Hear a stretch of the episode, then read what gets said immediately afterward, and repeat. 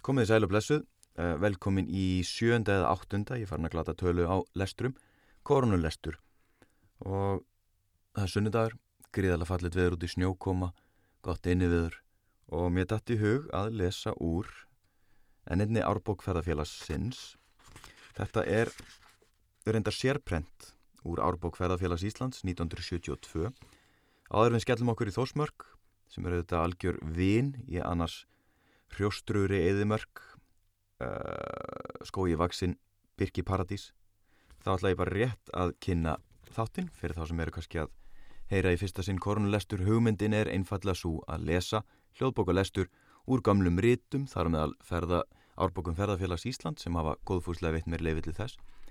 Að lesa upp úr gamlum rítum hverskins áhuga verðum meðan á koronavirinu stendur COVID-19 hvað sem að fólk kallar þetta ástand og þannig að deila og miðla fróðleik og en sérstaklega hugmyndin að baki lesturinn er svo að hver sá sem hlustar ringi í einhvern af eldri kynnslóðinni og ef þú ert af eldri kynnslóðinni þá endilega kannski ringi yngri kynnslóðina en grunn hugmyndin var svo að þetta væri tilefni til samtals símtals við einhvern af eldri kynnslóðinni þannig að til dæmis eftir að hafa rendi gegnum hluta úr bókinni hérna árbók Ferðarfélags Íslands um Þórsmörk, landsla og leiðir.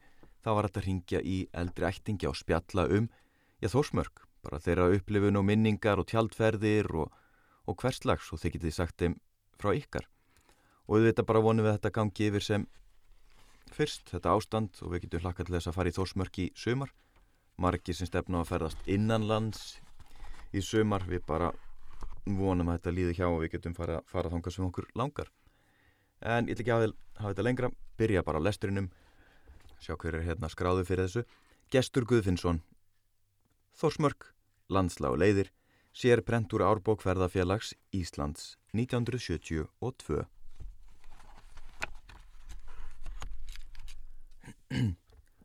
Þórsmörk, landslag og örnefni. Þegar ekið er úr fljótslíð um auðrana í áttina til markar fljótsbrúar opnast allbreyður dalur á vinstru hönd Stefna hans er fyrst í stað, nokkurn veginn í austur, en síðan beigir hann til norðaustur og norðurs inn í hálendið. Eftir dalnum fellur markarfljót, ströymþungt og vassmikið, litað af jökul korg, komið um langan veg ofanu fjöllum og hefur dreyið að mikil fönga á leiðsinni til byggða. Í raun og veru er ekki um neitin eiginlegan dalbotna ræða, landi hækkar smám saman og segja má með nokkrum rétti að draugin séu ekki fyrir en uppi hjá laufafelli norðan fjallabags vegar siðri. Þaðan er þó enn langt að upptöku markarfljóts í Reykjadölum en það er það talið um 75 km langt frá erstu seitlum til Ósa. Þrýr yfirbræðsmiklir jöklar setja svipsin og umkörri dalsins, Tindfjallajökull að norðvestan, Eyjafjallajökull að sunnan, Mýrdalsjökull að austan. Í dalnum eru all víðáttu mikil afréttarlönd meðal annars Þórsmörk. Þessi dalur er nafnlaus með öllu og má undarlegt heita ef svo hefur alltaf verið og nálega eins dæmi um svo mikinn dal. Þegar farið er að söpast um eftir nafni kemur einna fyrst í hugan Fljóts dalur því nafni heitir nú einsti bær í Fljótslíð rétt vestan við Þórólsfell en yngar heimildir finnast um að nafni hafið náð til alls dalsins. Sumir sem um þetta landsvæði hafa ritað hafa þó til hægðar auka kalla dalin markar Fljóts dal og sínir það til neyinguna að kenna hann við fljótið en ekki hef ég heyrt að nota í daglegu tali á þessum slóðum. Takmörk þórsmerkur eru skýr og virðast hafa verið hinn sömu allar götur frá landnámstíð. Vötn og jöklar ráða landamerkjum.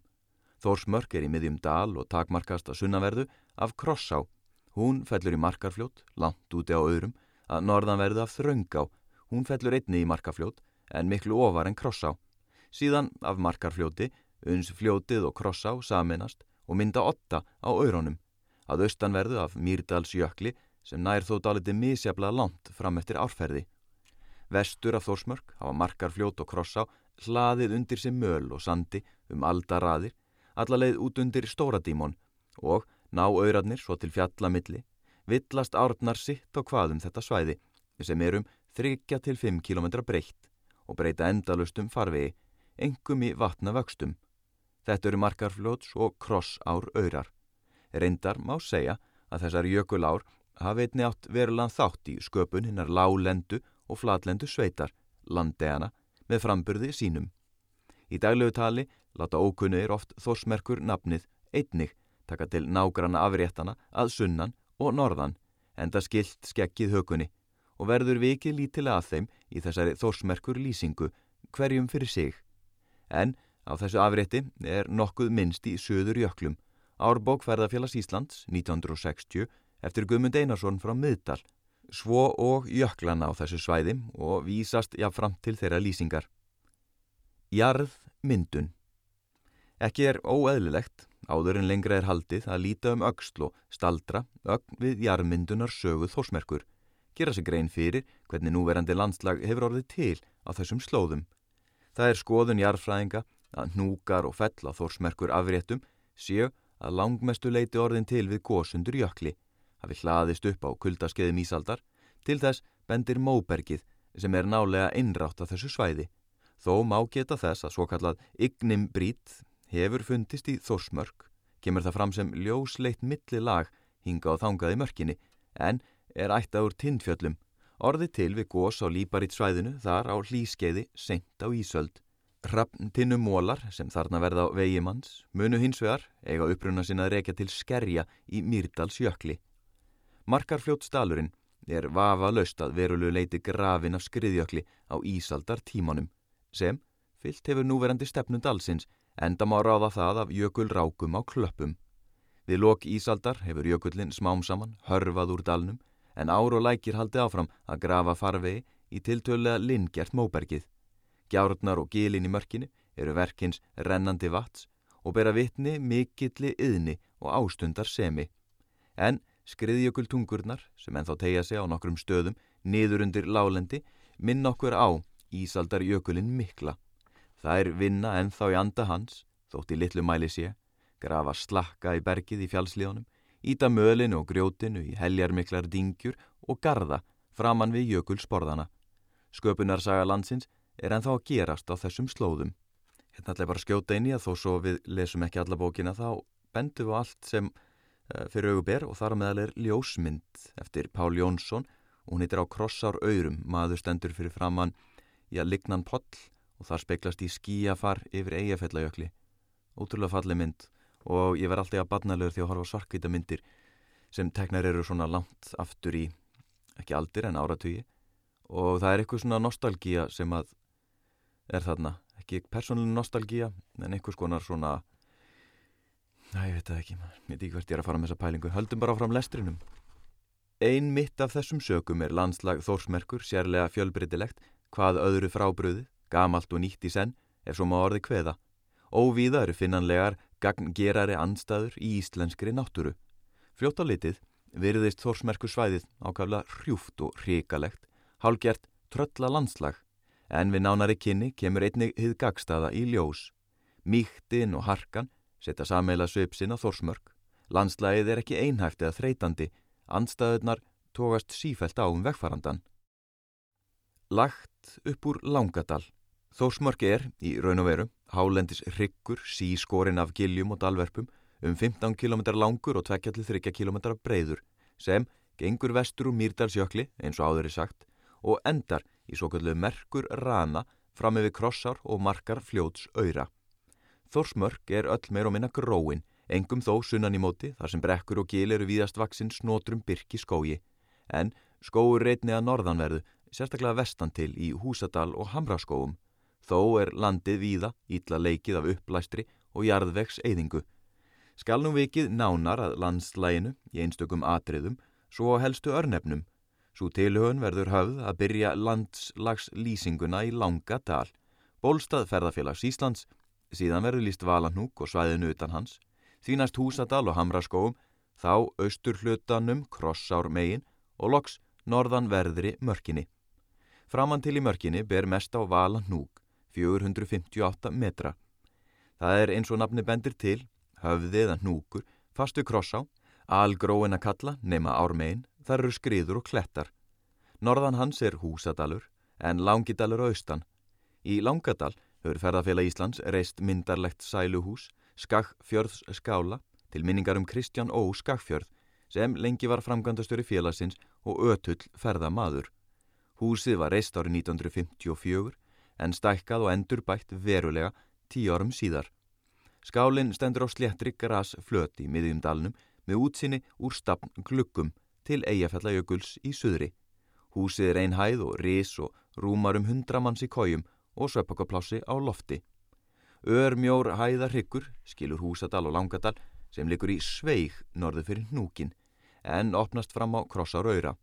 Langidalur er grætn og grösugur að sumalagi, brekkur og gilkvosir, vaksnar byrki skógi en sléttar grundir í ládalnum með alltaf mannhæðar háum gulvíðir runnum hér og þar. Dálítill bergvatslækur rennur eftir miðjumdalnum og tekur á sig ótal króka og likjur eins og hann vilji tefja sem lengst. Á hann í þeim efnum sammert fleirum sem þánga leggja leið sína. Þetta er bæjarlækur langdalinga og þið ákjósanlegasta vassból, hreitn og tær og þrítur ekki mestu þurka sumrum. Varðla er und að kjósa sér við feldnari tjálstað en á þurrum og sléttum grundunum í Langadal undir skjólsælum skóar runnum með útsinni til fjallana og jökulsins handan við krossá.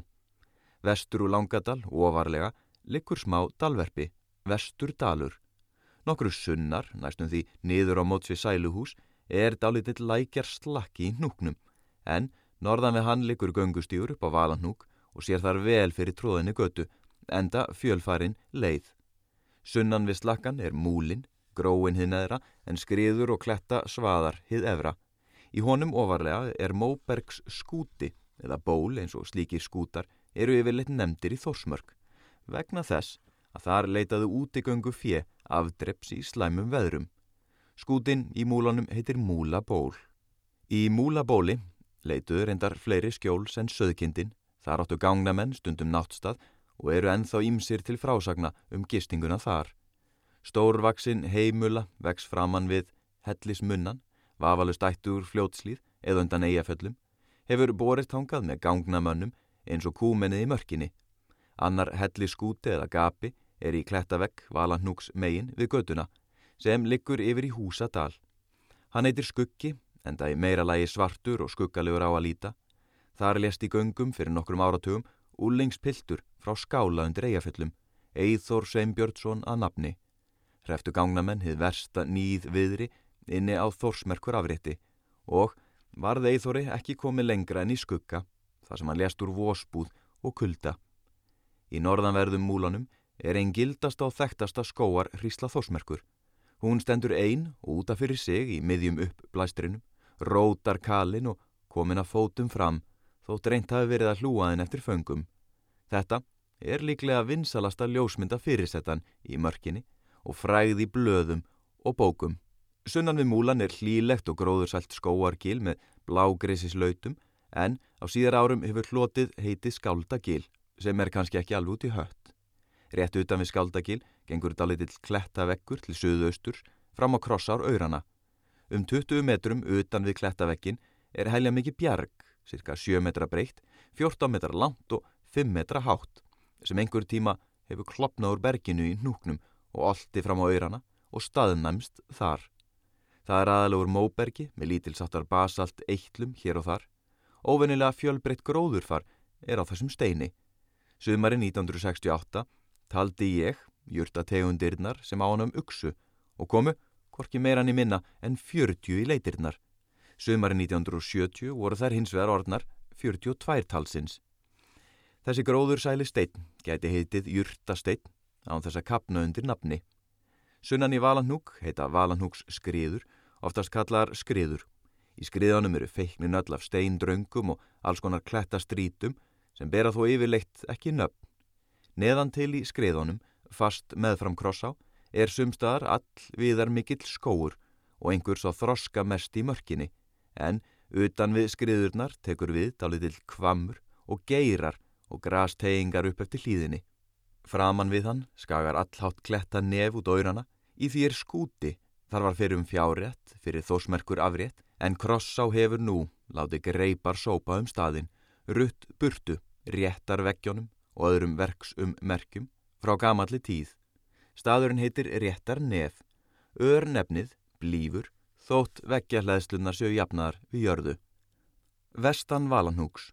Utan við Valanhúk taka við tvö kýl, Hestagil innra og fremra. Austan meini hestagili, hinnu innra, er Valanhúks ból, uppi í brekku nokkra faðmar frá læknum í gilinu.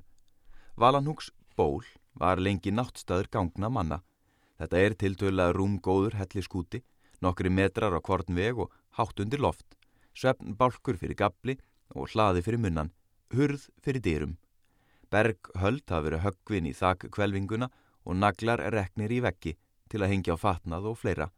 Þarna hafa rúmast allmargir nætur gestir og húsaskjól verið betra en viða týðkaðist í lélum gangnamanna kofum.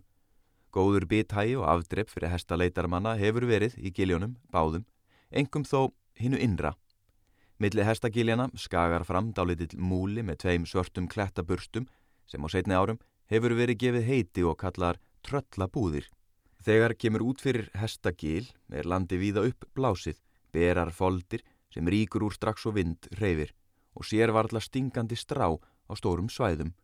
Þó eru grastorfur í lægðum hér og þar og meira segja algróið dalverfi á einum stað við krossar öyra sem engidalur nefnist. Sikkurum ein við dalverfið heita engidals nef, innra og fremra. Í því fremra er burst myndaður helliskúti en stórt op á þekjunni en það heitir hann gjósta. Nefið er líka kallað helliskjögur. Í gjóstu var stundum gemt fjö í göngum um nætursakir, ef svo bara undir, en skútin rúmar um 300 fjár. Vestasti hluti Þórsmerkur, eða nánar til degi svæðið utan Valanhúks, er kallað einu nafni Þórsmerkur Rani, eða bara Merkur Rani. Utast á honum eru ekjar. Á auðrónum skant utan við Merkur Ranan er dálítið Móbergs sker, Jöldu steinn og var eins konar merkjasteitna fornu. Til skýringar á nafninu má geta þess að Hjalda merkir hrissu. Í setni tíð hefur skerið líka verið kallað öldusteitn eða laus alda, á ýmsu veldur hvorum með við skerið markarfljót og krossa á falla. Úti á merkur rananum eru þurriðastæðir, gróður löst upp blásturs svæði. Þar eru fórnar bæjar rústir á tveim stöðum, að líkindum frá landnáms öld, aðrar á hrygnum uppi af Engidal, hinnar innar á nefi, sem gengur fram á auðrana markarfljóts megin. Á báðum stöðunum hafa fundist nokkra mannvistar minjar.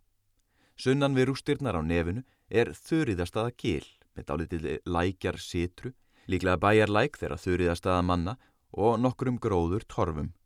Millið þurriðastaða og húsadals er hellis skúti undir kletti efst í gras brekku sem kallast sóttar hellir og ber ekki mikið á honum til að sjá því að hellisopið er látt og lítið. Má þekkja hann frá öðrum skútum á þessum slóðum á þremur berghöldum og krossum í helliskvelvingunni. Hellirinn er ekki sérlega stór, tófu greni fannst fyrir fáum árum í urðakasti rétt óanu við hellin, en láfóta hefur ósjaldan gert sig heima komna í mörkinni og grenja sig þar hingað og þangað. Um sóttar helli er eftirfarandi saga Einu sinni fóru átjón manns í fjallgöngur og fljótslíð og settu staði helleginum til að kvíla sig. Sáu þeir þá úr hellinum, æfa gamla tröllkonu og dróðu dárað henni, en eitt þeirra tók engan þátt í því og leitaðist við aftra hinnum frá því, þó það kæmi fyrir ekki. Tröllkonan bað þeim bölbæna, svo þegar tók drepsótt þá alla, nema einn, er ekki hafði móðgað kertlu. Þeir dóu allir í hellinum og heitir hann Sóttar hellir. Íslenskar þjóðsögur og ævintýri. Um það eru og sagnir að eftir þetta hafi verið beigur í mönnum við hellin og hafi verið fluttarþangað bjöllur eða klukkur og hellirinn víður. Klukkurnar eiga hafa hangið í berghöldunum í helliskvelvingunni. Þrýr litlir krossar hafa einni verið hognir í hellisbergið. Sumir segja að hellirinn hafi verið notaður sem bænhúsum skeið. Allar þessar frásagnir hafa á sér blæð þjóðsögunar en trúlet er þó að í sótarhelli hafi einhver tíman verið náttstæðar gangnamanna eða annara þórsmerkur fara. Síðasta orðið, sem ég las, var þórsmerkur fara og ég veit að hann langafi minn frá hlýð undir eigaföllum, hann Sigur Geir, hvað svona hann var, hann fór laði leysin í þórsmörk á fyrirluta 20. aldur og ég ætla að ringi Lilju Frængu og spurja hana spurja hana bara beint út í þessar ferðir hans ef hún svarar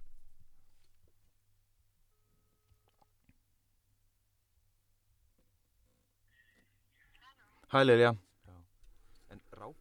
Æja, þá er ég búin að ringi Lilju Frængu undir eigaföllum og við rættum um ímislegt en þar á meðal að Langavi, Sigurger Sigursson sem fættist 1882 hann lagði leið sína uh, í Þórsmörk. Hún veisi svo sem ekkert hversu oft það var eða reglulega og svo framvegis eða hversu mikið kom úr þeir ferðum en það var farið til að taka við. En sömulegis rakkan fjö uh, inn í og þá úr Þórsmörk. Eifellingar áttu beita land uh, í Góðalandi og það er einmitt hérna í ferðarfélagsbókinni, ég var að svona glukka inn í gær og það er einmitt í henni, það var frásögn um sem sagt þegar var rekið yfir fimmurðaháls fjö og það laðist af 1889 byrjum við en það er sem sagt síðar í bókinni og blæsið 32 þá var fjallað um það að eifellingar fórum með fjö yfir fimmurðaháls allt til vorsins 1896 og Lilja mann eftir sögum af því sem gerðist þetta vor.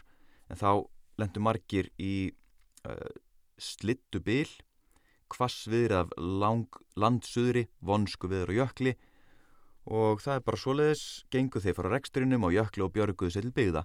Hálfu mánuði setna var færað að huga að lömbunum fundust sum þeirra með lífi á skara tungna haus en önnur hafði hrakið fram af hömrónum og þótti förðu gegna að nokkur voru lifandi í brekkonum undir hausnum.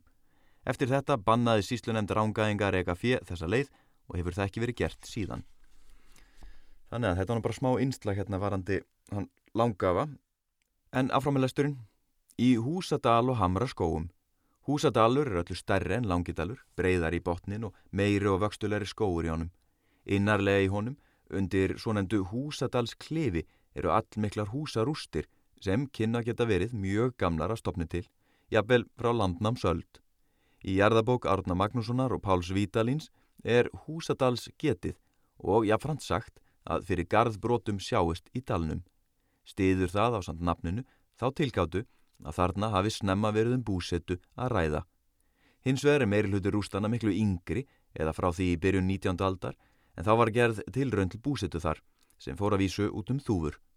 Tveir landeyingar, Sæmundur Augmundsson, Gaular Ási og Magnús Árnason Holmum fluttu þangað rétt eftir aldamótin 1800 og hófu búskap, en hurfu þaðan fljótlega aftur. Borðnar hafa verið breyður á búsitu þeirra Sæmundar og Magnúsar í Þórsmörk, meðal annars í æfisögu Tómasar Sæmundssonar sem Jón Helgason biskup ritaði um móður föður sinn og út kom árið 1941. Aldrei hefur þó fólk þar eistra, talin einn vafa, leika á um búskap þeirra félagi Þórsmörk, enda tiltölulega skamt um liðið síðan þeir voru uppi. En hér þarf ekki að byggja á munnmælum og sögursögnum einum. Til eru óeikjandi heimildir um þetta atriði. Sangat sáluna registri í Eyvinda Múla Sókn gerðu eftir húsvitjun í nógumber 1802 eru tvö bíli, tvíbíli, í húsadali Þórsmörk. Á öðru þeirra eru fimmi heimili, Sæmundur Augmundsson, Guðrún Jónsdóttir, kona hans, Jórun, dóttir þeirra, Jón Jónsson, vinnumæður og Guðrún Erlendsdóttir, vinnukona. Vinnumæðurinn er við Róðra, suður í höfnum, og hínu bílinu er þrent í heimili. Magnús Árnason, þurriður Guðmundsdóttir, kona hans, og sonur þeirra, Árni, þó háls missir í skamall, í heiminborin í Húsadal og mun einn um þann fæðingastað á síðar öldum.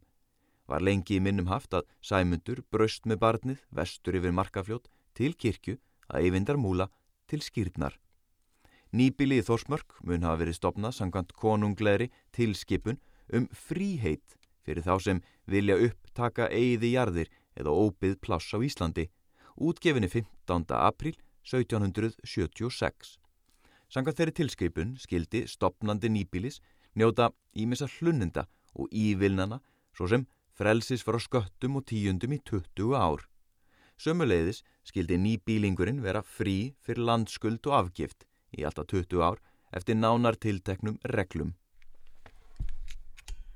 Náttúrulega áhört að pæli hvort að séu einhverja svona reglur eða einhver lög sem maður bara búið að gleima að maður geti fundið sér eitthvað pláss eitthvað starf á vestfjörðum eða einhverjum afdala sveitum og bara komið sér fyrir þar og sloppið við skatta og annað slíkt. Þetta er svona minnið mig á á heimildamindi ég sá National Geographic heimildamindi og rúlingur um fólki sem flist til Alaska og er svona flýja flýja siðminninguna og flýja ímislegt og kemur sér upp einhvers konar búskap þar þar var fólk að viða lags og, og nýtti náttúrulega skógin og annað slíkt.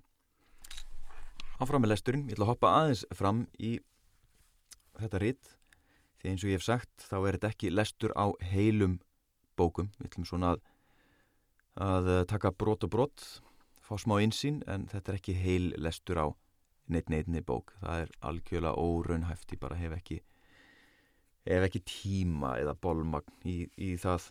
Þannig að við stökkum fram, blasið 20, innað kross, á rjökli. Austan við Langadal er djúft skóargil millir tvekja ryggja, fremri og innri slippugils ryggs. Það nær alla leiði verið tindfjallagil og heitir slippugil. Sumir hafa í setin tíð vilja að kalla það sleppugil en í gamlum heimildum er það allstaðar nefnt slippugil og virðist það því upprunalega. Ímsar vangaveltur hafa verið um nafngiftina og sínist sitt hverjum en þess má geta að slippa merkir yfirhöfn eða hempu af sérstakri gerð, hvernig svo sem menn vilja tengja það við gilið eða landslægið. Annars slippugil er raunar innarlega á almenningum og kynni samanburður á giljónum að geta gefið einhverja vísbendingu um nafnið. Í slippugili er viðlegu staður farfugla þegar þeir dvelja í mörkinni. Þeir hafa hlúða skójunum í gilinu, grísjað borið á og sáði rófabörð, en einni planta þar barfiði inn á milli byrkitrjána og gengi vel um staðin í kvívetna. Efst í innri Slippugils rygg er eina finnum hólum Móbergs kúpum sem svo mikið er af í mörkinni, gekk áður undir nafninu Slippugils ból en er nú oftast kallu glugga hellir. Á bólinu er gat eða gluggi og sér yfir til fjallana, handan krossár. Nú tekur við hvert gili og dalverfið af öðru inn með krossá Allt meir og minna vaksi skói og ímsum þroska miklum gróðri. Sérstaklega ber mikið á blágresi, umfeðmingsgrasi og ímsum lingtegundum, svo sem rútaberjalingi og jarðaberjalingi, auk ímessa smávaksina blómtegunda. Í milli giljana skaga fram kletta nef sem Krossá hefur nagað og sorfið á ímsalund, en hún fellur í jafnaði alveg upp að hlýðar fætinum á nokkrum stöðum og er ekki við eina fjölina feld. Innan við Slippugil taka við fremra og innra litla endagil, síðan litli endi. Innan við litla enda tekur svo við all mikið dalverfi, stóri endi, alvaksi skói að heita má. Þar er skóarlundur, greni og fura, sem skórat ríkisins gróðusetti fyrir allmörgum árum. Jarður er mjög mikill í stóra enda, sumstaðar nokkura metra þykkur, fókmold sem borist hefur innan af afréttum og staðnæmst í skjólinu, sunnan undir fjalls hrygnum. Ofarlega í stóra enda, vestan verðum, er mikill og sterklegur steinbógi á skóarmörkunum, en steinbógar og gatklettar eru algeng náttúru fyrirbæri á þorsmerkur svæðinu. Ofan við litla enda eru klettabelti sem heita tvístæður, en fjallsryggurinn sjálfur, bak við báða endana, sem er all hár, 557 metrar, heitir Tind fjöll. Þau eru eggkvöss og tindótt og heitir efsta brún þeirra eggjar, Tæp fjárgata likur yfir eggjarnar. Súleið er að vísu líka fær fólki en naumast raðulagt öðrum að fara hana en ferða vönum og óloft hrettum mönnum. Því snarbrattir svaðar eru neðanundir og víða naum fótfestan. Austan við eggjarnar taka við sléttar flesjur, grónar grasi og lingi. Tind fjalla sléttur. Innan við stóra enda og stangar háls og neðst í honum við ána fremra stangar nef, síðan skóarlíð stöng með háu standbergi að ofan til. En innst og neðst í hlýðinni er innri stangar nef innra stangar nef afsakið leiritinguna uh, svo bara fletti hans aftur á blaðsynum sem vorum að klára að lesa og það er svarkvilljósmynd á leiðinni teikst tungur mynd eftir Pál Jónsson og þar er lítill ferðahópur, fjóru einstaklingar og þau eru líka speglast í svona lignum litlum potli á, á auðrónum og Mýrdalsjökull í bakgrunnu og þessir gríðala fallu indislu klettar sem að inkjana þórsmörk. Þetta er einstakt svæði en nú komið þarna margóft og gengið og, og tjaldað og bara verið þarna einhvern tíma þó miklu minna en ég myndi vilja. Og þetta er algjör vin í eðimörk, þetta er algjör paradís og ég tala ekki um að ganga, eh, ganga laugavegin og koma neyri þósmörk það er bara það er alveg ávið þessar oasis þessar vinjar í eðimörk eins og talaður um í uh, miðausturlöndum. En áfram með lesturinn. Í skólendinu inn af góðagili, góðagili afsakið, rýs búðar hamar, hár og þvernýftu klettur, svo að segja fast við kross ár öyra. Austan í honum er steinbói en slett grafsflöt Já, ég held ég verið að hlust aftur afsakið og þá búið að tala um steinbóa en þetta er nýrlestur. Austan í honum er steinbói en slett grafsflöt neðanundi klettinum. Einstí er upp á hamarinn sem fara má með aðgæslu. Við búðarhamar var lengi náttstaðar gangnamanna og standa enn vegg hlæðslur sunnanundir klettinum. Sveitin Pálsson getur þess í ferðabóksinni Sveit, við lásum upp úr Svein Pálsson hérna í fyrir korunlestri Sveitin Pálsson getur þess í ferðabóksinni að það sé almanna sögnað sjór hafa eitt sinn náð inn að búðar hamri og fundist að við bergköldi að festa ringir í klettinum þar sem skip hafi verið bundin og sé kletturinn nefndur eftir búð eða vestlunar húsi. Þetta er, auðvitað, gömul bábilja. Sjór hefur aldrei fallið inn á krossárauðra, ekki einu sinni við lok ísaldar þegar sjávarmörk stóðu hæst, en þá hefur hann líklega skólað um aurana, framundan barkastöðum og fljótstall.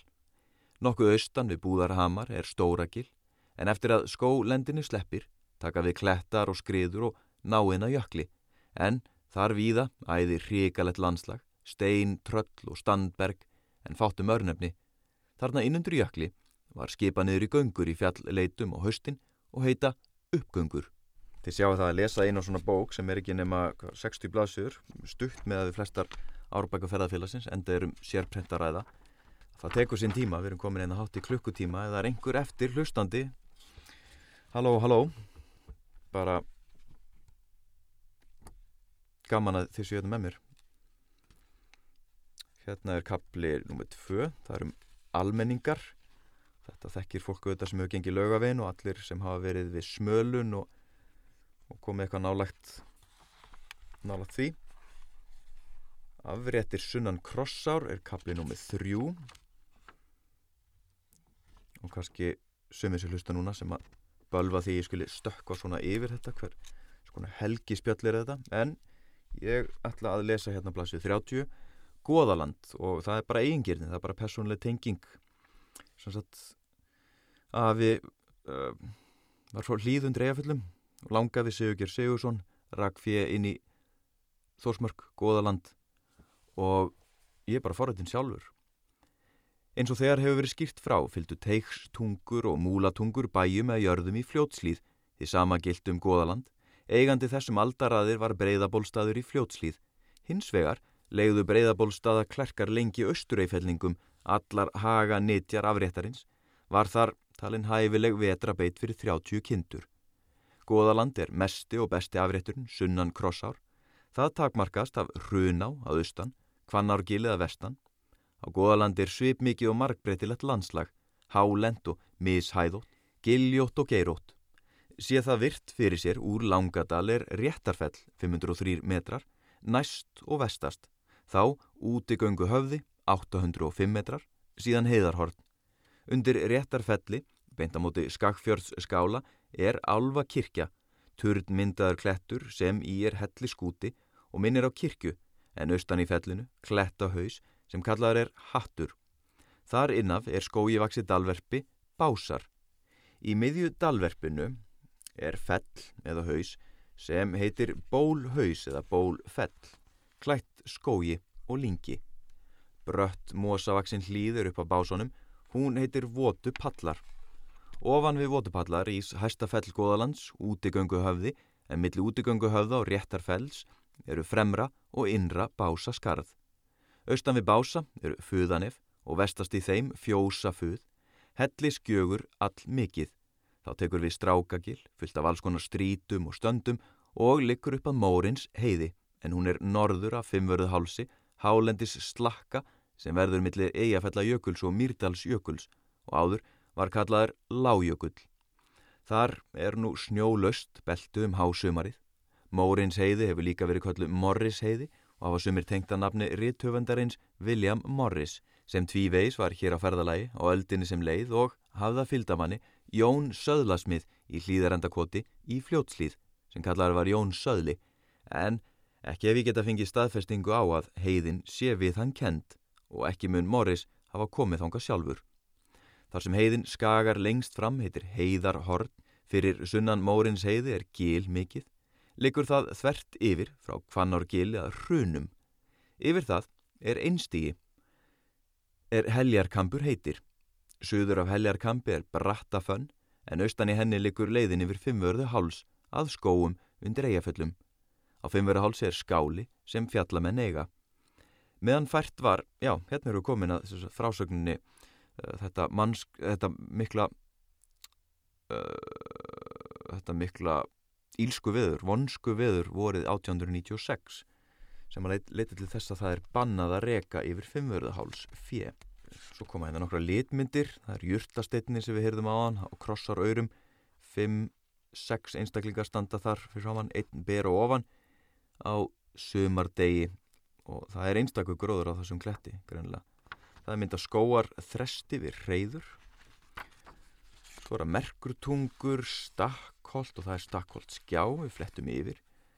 Saga þórsmerkur, það er kannski við að við tökum aðeins sögu þórsmerkur.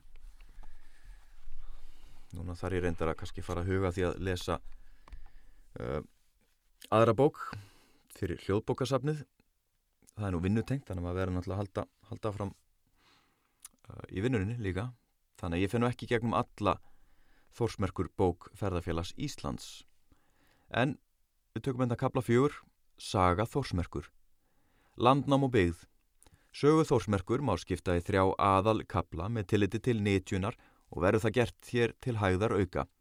Í fyrsta kaplanum verður fjallað um landnám og byggð, í öðrum um skóar nýtjar, beitar afnót og fjallleitir, í hinnum þriðja um friðun skórækt og ferðalög í Þórsmörk. Í raun og veru eru sáralitlar heimildur um landnám og byggði í Þórsmörk fram yfir það sem er landnámu stendur. En það er eftirferrandi klausa sem er jáfnframt það elsta afsaki, sem er jáfnframt það elsta er um Þórsmörk finnst ritað. Ásbjörn er Reyr Ketilsson og Steinfiður, bróðir hans, námu land fyrir ofan Krossá fyrir austan fljót. Steinfiður bjó á Steinfinns stöðum og er ekki manna frá honum komið. Ásbjörn helgaði landnám sitt Þór og kallaði Þórsmörk. Hans sonr var ketill inn auðgi, er átti þurriði Gollnis dóttur, þeirra börn váru þau helgi og ásgerður. Ekki munu þó allir eitt sáttir um þessa klausu, þótt stutt sé. Landnáma er mjög umdel bók, hvað heimildagildi snertir, og fráleitt hold að gleipa hana alveg gaggrinnis laust þótt margt sé þar markvert að finna. Hér verður þú ekki hróplað við neinum kenningum eða skýringum, ágrinningsatriði fræðamanna, látin líka melli hluta, engu játað eða neitað, enda margt í þessum efnum en þá á rannsóknar stíi. Sackfræði kveskins, staðar villur, nöfn úr landnámu, um, það eru heimildur um byggð, síðustu heimildur um byggð, byttur nú við. Það er að fá samingja þessu hérna. Já þá segir í njálu í sambandi við brennumálun að Kári reyði vestr fyrir Selelandsmúla og upp með markarfljóti og svá upp í Þósmörk þar eru þrýr bæri er í mörk heita all, allir. Þetta hafa ímissir við fengt og getið sér til að þarna sé málum blanda og hugsanlegt að merkurbæðinni þrýr undir eigaföllum, stóramörk, miðmörk og siðstamörk hafi rugglað höfundin í rýminu. Svo tilgata stendst og naumast þar sem höfundur sögunar virðist kunna góð skil á bæjaskipun undir fjallónum, þar meðal mörk, jörð Ketils Sigfússonar sem oft er í brennipunkti sögunar.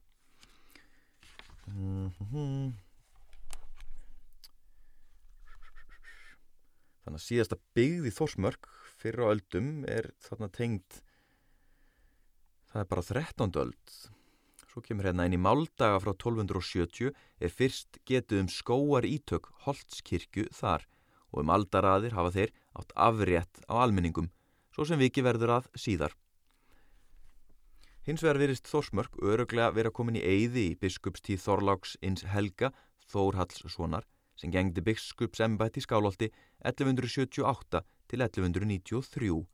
Svo sem orð Jóns Loftssonar sanna er að mælti við biskup út af bannfæringar hótun hans, en svo segir í ottaveri þætti, veit ek, saði Jón, að bann þitt er rétt og sökin nóg.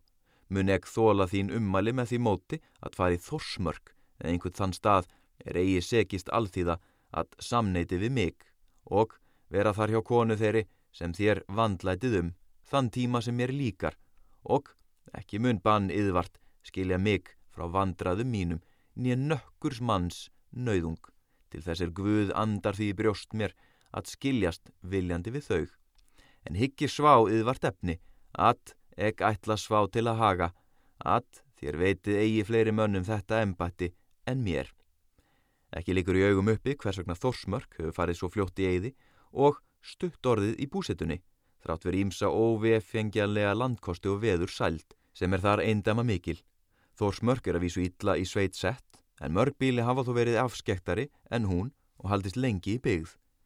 Geta má sér til um nokkur þýðinga mikil atriði, á Þorsmerkur svæðun hafa verið afar erfitt um túnrækt og slækna lönd mjög af skortnum skamti, jáfnvel nálega engin. Í kjölfar skóarhags og beitar hefur fyllt uppblástur og jarðeis eyðing í stórum stíl.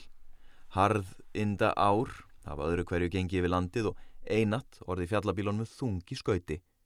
Síðast en ekki síst er á það að líta að Þórsmörk á sér tvo hættulega nágrana, þar heklu og köllu og kunna eldgósa hafa gert striki í reikningin. Um það atriði að Einar Jónsson bondi á Moldnúpi sem nýlega er látin, aðteglisverða sögu að segja. Einar var allra manna kunnuastur á þessum slóðum, hafi farið í fjallleitir og smala mennsku þar yfir 50 ár og fylst með vexti og viðgangi gróðurs og haglendis betur en flestir aðrir. Hann saði að í köllugósinu 1918 hefði orðið svo mikið öskufall, vestan Mýrdalsjökuls, og öskudingjörnar á almenningum hafi verið eins og skablar eftir bíl og skóur og gróðulendi farið mjög ítla og ekki beðið þess bætur síðan, en það er nú örfoka land á stórun svæðum almenningum. Þá er mönnum ennþá í fersku minni öskufallið fljóts hlýðinni í heklugósinu 1947. Líklega verður þó síkna heklu að því að hafa lagt þó smörki eiði. Öskulas rannsóknir, dóttur Sigurar Þorreinssonar, benda til þess að öskuna hafi borið í aðra átt í þeim gósum sem til greina kæmu í þessu tilviki. Öðru máli gegni með köllu Talið er líklegt að hún hafi gósið kringum árið þúsund og hefur aðalöskugerinn leið milli norvestus og norður áleiti doktor Sigurðar. Kynni þá gróðurinnum og almenningum og þórsmörk að hafa orðið skeinu hætt, ekki síður en 1918, þótt að því fari litla sögur. Kanski hefur kattlarraðu úrslitum um byggði þórsmörk á sínum tíma. Úr því getur nánari öskulags rannsóknir ef til vill skorið. Og ég ætla að enda þetta á lestri úr einu með tveimur köplum stuttum og það er fríðun og skórækt. Við setningu skóræktar lagana árið 1907 var hafist handaðum fríðun skóa og skóar leifa vísverum landið.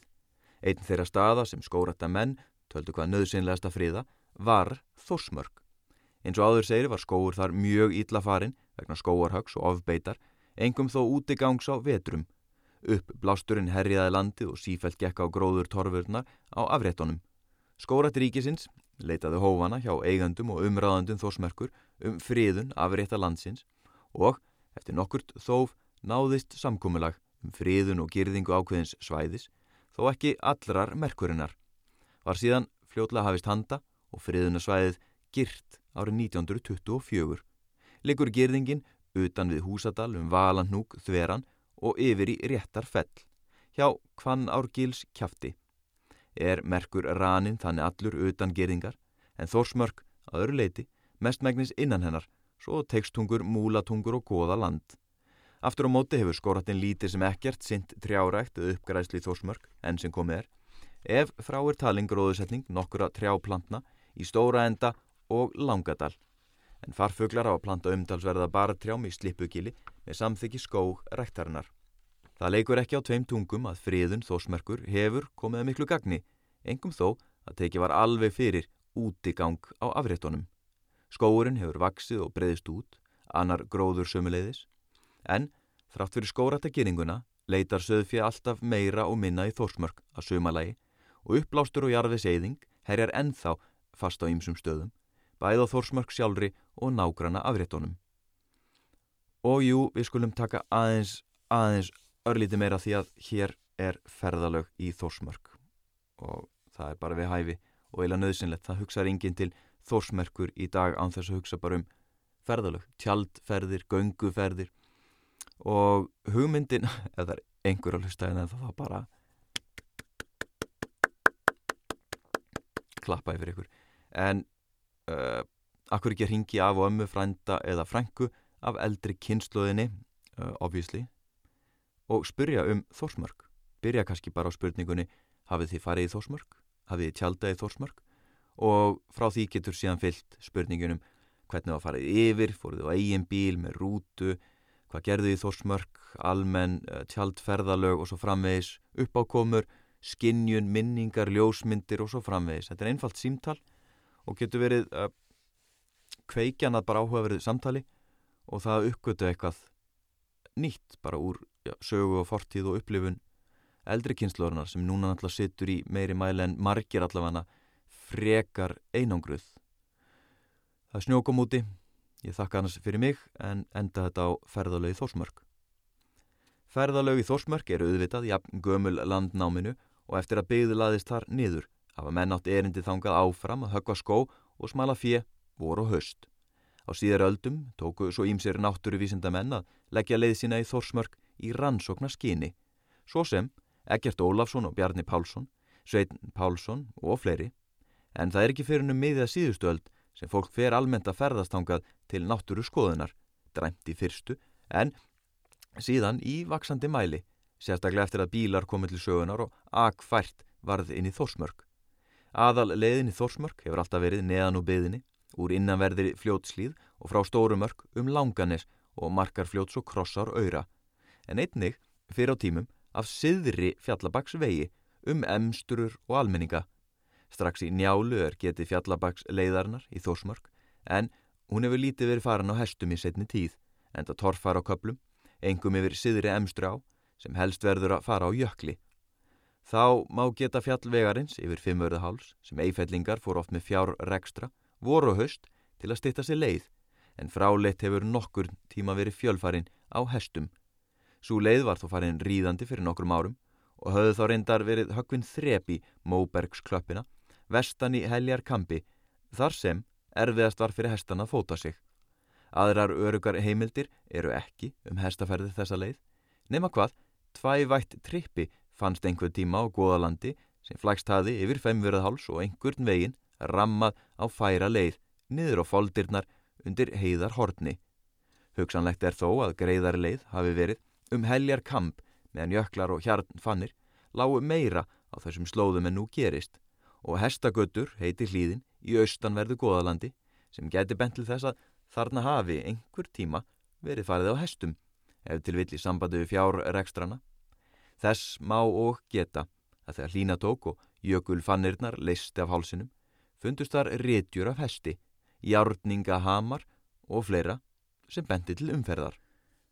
Um bílvegi Þórsmörk er í raun og veru ekki und að tala í fleirtölu, eina akværa leiðin er Langanes leiðin, þó hefur verið ekki á fjallabílum af siðri fjallabaksvegi niður í Þórsmörk, bæði vestan og austan markar fljóts, einu sinni hvora leið fyrir sig, en það er sannast sagna engin öku leið, engum eru vassföllin erfið viðfangs á þessum slóðum. En vassföllin hafa reyndar einni verið erfið alla tíð á leiðin inn í Þórsmörk, úr fljótslíð og frá stóru mörk. Markar fljót var auðvitað, verst í faratalmin, þanga til það var brúað. Fyldar menn voru þótt fengnir í fljótslíðinu og voru þar ágetir vatnamenn, til dæmis á barkarstöðum og áttur hrausta hesta. Fljótið var riðið á ýmsum stöðum. Fyrsta bílferði Þórsmörk mun hafa verið farin árið 1934 og var þá ekið í Húsadal. Síðar var svo einnig farið að aka í Langadal. Hefur nú verið ruttur sæmila akfær vegur alla leiðin inn eftir sem þó er ekki nema fær fjalla bílum. Helstu torfæriðnar á þórsmerkur leiðinni eru nú árnar, Jökulsá, Steinholtsá, Kvanna og Krossá sem ekki eru við eina fjöluna feldar, flæma sitt á hvaðamöyrana og er ekki að henda reyður á strömlægi eða botlægi nema fyrir þá sem hafa sæmilegt vatna vit.